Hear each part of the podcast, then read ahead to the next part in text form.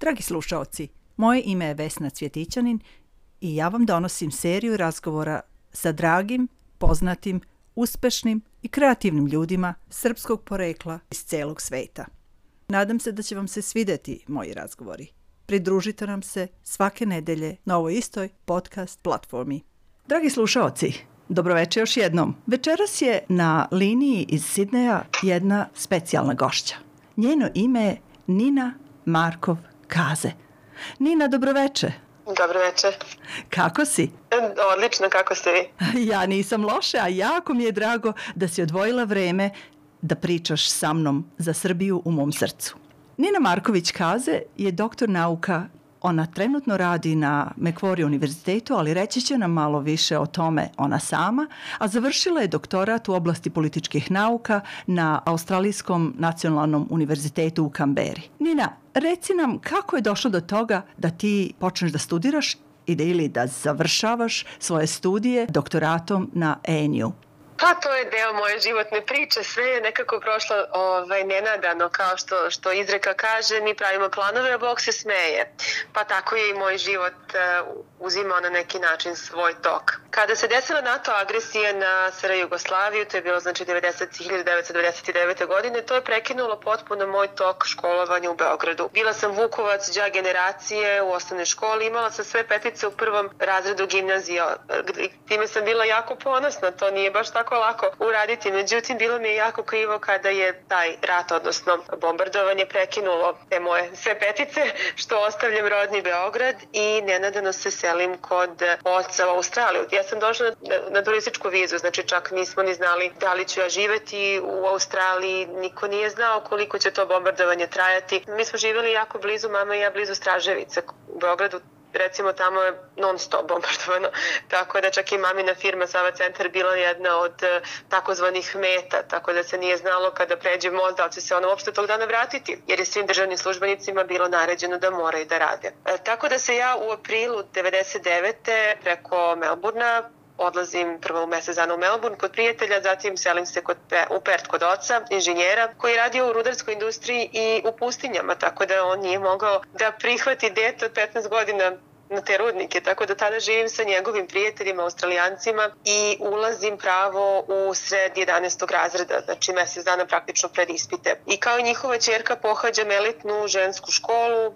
po mom mišljenju veoma rigidnu, e, anglikanske veroispovesti. Tamo sam se bavila raznim stvarima, kao što znate ovde svi biraju predmete, što je velika razlika u odnosu na obrazovanje u Srbiji. E, osim od ostalih predmeta, izabrala sam i muziku, gde sam počela da komponujem i izvodim srpsku etno muziku za udaraljke i u nepravilnim ritmovima našeg stvaralaštva, što je bilo zaista nešto čudno i drugačije, čak i je bilo jako teško za njihove izvođače da e, uopšte pokušaju da sviraju nepravilnim ritmovima ljudima. A reci Takođe mi samo, reci mi da li si ti imala muzičko obrazovanje, da li si ga donela iz Beograda ili si imala neke osnove u tome ili je to bilo potpuno novo za tebe? Jesam, ja sam završila osnovnu muzičku školu u Beogradu, međutim nisam nastavila srednju. A kada sam stigla u Australiju, nivo obrazovanja je bio mnogo, mnogo jači. Znači, to bi bilo kao da sam iz završene muzičke škole osnovne uh, uskočila u treći razred muzičke gimnazije. Tako da mi je zaista trebalo dosta i privatnih časova da na neki način dosegnem taj nivo i za ispite, obične ispite u školi. Stvarno su, recimo, puste kompoziciju i vi morate da je analizirate i pogodite instrumente. Znači, to je nešto što se ne radi u osnovnoj muzičkoj školi u Srbiji, to se tek radi kasnije. Tako da je bio taj početak malo težak, meni je kompozicija bila laka jer mi je dobro išla matematika, tako da je kompozicija u principu matematika na drugačiji način. E sad ti Pored... pomenješ mhm. matematiku, a ja sam u uvodu rekla da si ti doktor političkih nauka. To je interesantna kombinacija. Ajde nam reci o toj vezi, kako je došlo do toga da se opredeliš za društvene nauke? Pa ja sam onda nakon završene srednje škole u Pertu um, upisala dva fakulteta. Znači upisala sam dva paralelna smera, ekonomiju i društvene nauke. To je mnogo bilo teže upisati nego samo jedan smer. Međutim, posle tri nedelje sam se odlučila samo za društvene nauke. Društvene nauke su se svodile na opet biranje predmeta i tada sam izabrala italijanski, francuski, nemački, antropologiju i političke nauke. Ali na kraju se opet mora praviti izbor da izavršila sam italijanski jezik i političke nauke nauke paralelno. To je trajalo četiri godine i umeđu vremenu sam dobila stipendiju i otišla u Nemačku šest meseci, što je bilo fantastično jer sam bila bliže Srbiji. A ko, koje je to godine bilo, reci nam? 2002. 2002. Znači, u tih par godina se jako puno toga izdešavalo. Jeste, ja sam čak bila maloletna kada sam upisala fakultet, znači na neki način sam mm. preskočila, što bi se reklo, dva razreda, ali to je prednost australijskog obrazovanja. Nekima prednost, nekima mana. U ovom slučaju je bila meni prednost, zato što sam uspela da završim recimo tu srednju školu dve godine ranije nego što bi se to desilo u Srbiji. To je divno. Malo si ukrala od života, je li tako? Omogućilo mi je neke stvari poput rada, znači ja počela sam da radim sa 17 godina dok sam studirala, tako da u, u industriji dijamanata, tako da je to bilo jako lepo i u isto vreme sam naravno studirala ovde svako radi, studira to kad kažete u Srbiji, to, to ljudi malo ne, ne veruju da postoji toliko mogućnosti za rad u Australiji i To mi je omogućilo da i uštedim za odlazak u Evropu. Tamo sam bila takozvani ambasador australijskog e, studentskog tela. Međutim, e, Nemačka na fakultetu gde sam studirala nije baš bila jaka u društvenim naukama. Mnogo su bili jači u prirodnim naukama. E, tada sam shvatila da je Australija u stvari jako dobra za studiranje društvenih nauka. Dragi slušalci, dobrodošli u naš program Srbija u mom srcu. Moje ime je Vesna Cvjetićanin i ja se vraćam našem gostu sa kojim razgovaramo ili sa kojom našom gošćom gošćom kojom razgovaramo preko telefona, a ona se nalazi u Sidneju i ona se zove Nina Marković Kaze. Nina, čuli smo o tvom putešestviju u, o studijama, u dolasku u Australiju, u odlaženju u Nemačku. E, reci nam sad malo kako je onda došlo do toga da se ti ponovo vratiš u Australiju, shvatila si da ima prednosti. E, reci nam o tome i o tom delu tvoga života. Po završetku studija u Zapadnoj Australiji 2004. godine e, imala sam izbor da upišem doktorat italijanskih studija ili da se preselim u Kamberu ili možda čak i Melbourne, drugi neki grad um, Australije, da uradi magistraturu. Takođe postojala i opcija diplomatske akademije u Beču, tako da je na kraju izbor pao na između Kambere i Beča. Naravno, životni, životni tok bi verovatno bio potpuno drugačiji da sam otišla u Beč, ali sam se odlučila za Kamberu u kojoj nikada ranije nisam bila, zato što sam saznala da su njihove studije međunarodnih odnosa jedne od najboljih u svetu. Tako je i bilo, ušla sam u magistraturu koja je trajala dve godine, u stvari radilo se o dve različite magistrature u okviru istog univerziteta. Nikoga nisam poznavala. Kada sam sletela u Kamberu, trebalo je nekih čak 10 dana da dobijem smeštaj na fakultetu i živela sam na kampusu Australijskog nacionalnog univerziteta, znači čitave dvije godine. To je bilo fantastično zato što mi je omogućilo da budem blizu tom centru znanja, bibliotekama, da zaista živim neki studentski život eh, kakav nikad ranije nisam doživela, znači bukvalno ste u tom srcu svega toga. Nisam imala auto, tako da mi je čitav život svodio u principu na kampus i na, na centar Kambere. Dosta se studiralo zato što sam ja bila samo jedna od četiri australijskih studenta koji nisu radili u federalnim strukturama vlasti. Trećina studenta je bila iz Norveške, trećina iz azijskih diplomatskih predstavništava, tako da smo samo četvoro nas nismo imali, da kažem, radno iskustvo ili trenutni rad u diplomatskim misijama. Tako da je naša perspektiva i moja posebno bila potpuno drugačije od nekoga ko je recimo radio. Tako da sam ja uspela da dobijem vrlo visoke ocene u polju studija diplomatije, bila sam najbolji đak, možda upravo zbog tog e, nemanja iskustva, zato što kada se razmišlja izvan takozvane kutije, da koristim engleski izraz outside the box, nekada dođete do rešenja koja ljudi mogu, ne mogu smisliti ukoliko rade u određenim granicama. Pored toga, predavala sam italijanski privatno i osnovala sam društvo Il Bacio Italiano na Australijskom nacionalnom univerzitetu koje je, eto, veoma slučajno vaša čerka Dunja preuzela i nas je spojila uh, italijanska ambasada kao znak zahvalnosti javnosti nas je odvela na večeru zato što su eto dve srpkinje predvodile italijansko društvo na Australijskom nacionalnom univerzitetu. Njega nije bilo kada sam ja krenula da studiram, ali pošto sam imala već iskustvo, bila sam predsednik italijanskog društva u zapadnoj Australiji. Na neki način prenela sam to znanje u Kamberu, iako nisam studirala italijanski u Kamberi i to se nekako adaptiralo. Tako da je to bila eto, jedna zanimljivost koja povezuje Kamberu i Perth.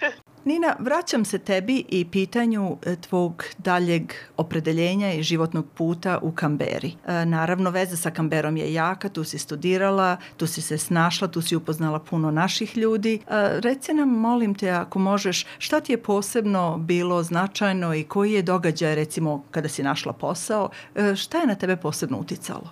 To prvo snalaženje oko prvog posla u federalnim institucijama bilo je zanimljivo na preko neke prijatelja sam upoznala devojku koja je radila u agenciji za zapošljavanje. I ja sam se svećam se pojavila u nekom beogradskom stilu, sva u džinsu, znači od glave do pete, od Texas jakne do cipela u Texas fazonu i tada mi je devojka rekla onako naj, najbolje namere ja sam ti drugarica, poz, mislim skoro smo se upoznali, ali jedan moj savet za tebe i sve one koje traže posao, nemoj nikada tako više doći obučena.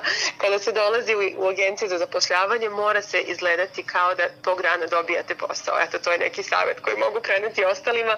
I posle rada u Ministarstvu zdravlja dobila sam fantastičan posao u federalnom parlamentu, kao e, prvo kao e, takozvani generalista, e, kasnije kao specijalista za Evropu i Bliski istok i onda sam opet na neki način došla u kontakt sa našom zajednicom kroz SBS radio. Počela sam takođe da radim kao dopisnik SBS radija na srpskom jeziku iz federalnog parlamenta. Rad u parlamentu je zaista doneo meni neko iskustvo koje ne samo je nezamenjivo, nego mi je opet približio Srbiju opet ne, na neki čudan način. Prva parlamentarna delegacija iz Srbije u 30 godina došla je u Australiju baš kao gost federalnog parlamenta i mene su pitali da pomažem oko te delegacije znači sa strane Australijskog parlamenta. To je bilo zanimljivo jer sam upoznala predsednicu Srpskog eh, parlamenta koja mi je kasnije donela mnoge kontakte kada sam radila doktorat i trebala da intervjuišem naše političare. Sve je to nekako zasluženo, je li tako? pa ako se prati ta instinkt na neki način i ako, ukoliko se iskoriste prilike koje se samo na neki način jednom pokažu. Tako da bih mnogim slušalcima, posebno onim mlađima možda koji ne znaju tačno kako da se opredele, predložila da probaju različite stvari, da jednostavno skupe snagu i da prate, mi to imamo u sebi, pošto smo verovatno genetski morali smo da se borimo za neko preživljavanje na drugačiji način od možda bogatijih naroda i zajednica, da prate taj instinkt i da prate tragove koji se nekada dva put ne pojave. Takođe, nekada se radilo i po 12 do 15 sati, nekada dosta manje u, u parlamentu. Taj posao je, znači, kao i mnogi drugi. Svako mora u stvari da se prelagodi sa svojom ličnošću poslu i posao njemu, tako da je to dvosmerna ulica. I hoću da kažem, praksa te takođe nauči ono što knjiga neće. I tako je i bilo i u mom slučaju, gde su moje glavne dužnosti bile svakodnevno praćenje vesti na 3-4 jezika, upoređivanje informacije, svakodnevno savetovanje članova parlamenta, gonjeg i donjeg doma, nekad i parlamentarnih komiteta i praćenje dešavanja u svetu. Takođe odvala sam parlamentarnu delegaciju na Solomonova ostrava i na Samovu, koje je bilo jedno drugačije potpuno iskustvo, ali sam se stalno nekako e, obraćala i našoj zajednici jer sam bila karika između nekoliko tih struja. Tako da sam e, tačno pre 10 godina znači bila u u okviru SOje volontirala sa mnogim našima iz Kambere i to je zaista bila jedna predivna inicijativa. Čak SOja organizovala i veče, u srpsko veče u parlamentu Australije gde sam opet na neki način bila karika. To je bila organizacija mladih iz Kambere, bila je i u drugim državama i teritorijama, ali u Kamberi je bila jedna od najaktivnijih zajednica, lokalna organizacija.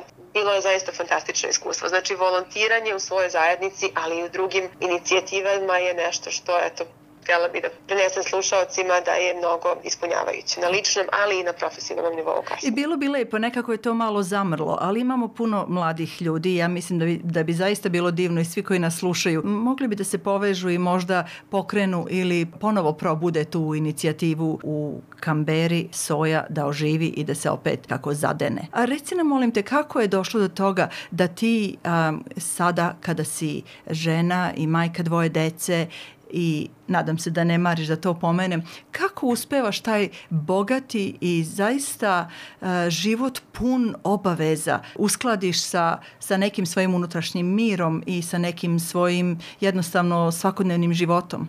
Pa moj unutrašnji mir proizilazi iz rada i objavljivanja članaka i organizovanja različitih inicijativa makar u sred noći, što se vrlo često dešava. Htjela bih da pomenem, što bi možda bilo zanimljivo našim slušalcima, odnosno svima iz naše zajednice u Australiji, da postoje dve, dve žene koje su srpkinje koje su objavile svoje autobiografije ili memoare. Jedna je Sofija Stefanović koja sada živi u Njujorku, ona je iz Melburna, predstavlja se kao srpska australijanka i ona je jedan bestseller prošli, prošli 12 meseci objavila, zove se Miss Ex Jugoslavija. Takođe i Jelena Dokić, nekadašnja teniserka srpskog porekla, je objavila svoju autobiografiju. Mislim da treba mnogo više da se pisanim putem predoči široj zajednici u Australiji iz e, naših iskustava, jer svako od nas ima jedno jako bogato iskustvo kao imigrant, kao neko ko se morao prilagoditi, kao neko ko se svakodnevno bori na različite načine da bi opstao u novom društvu.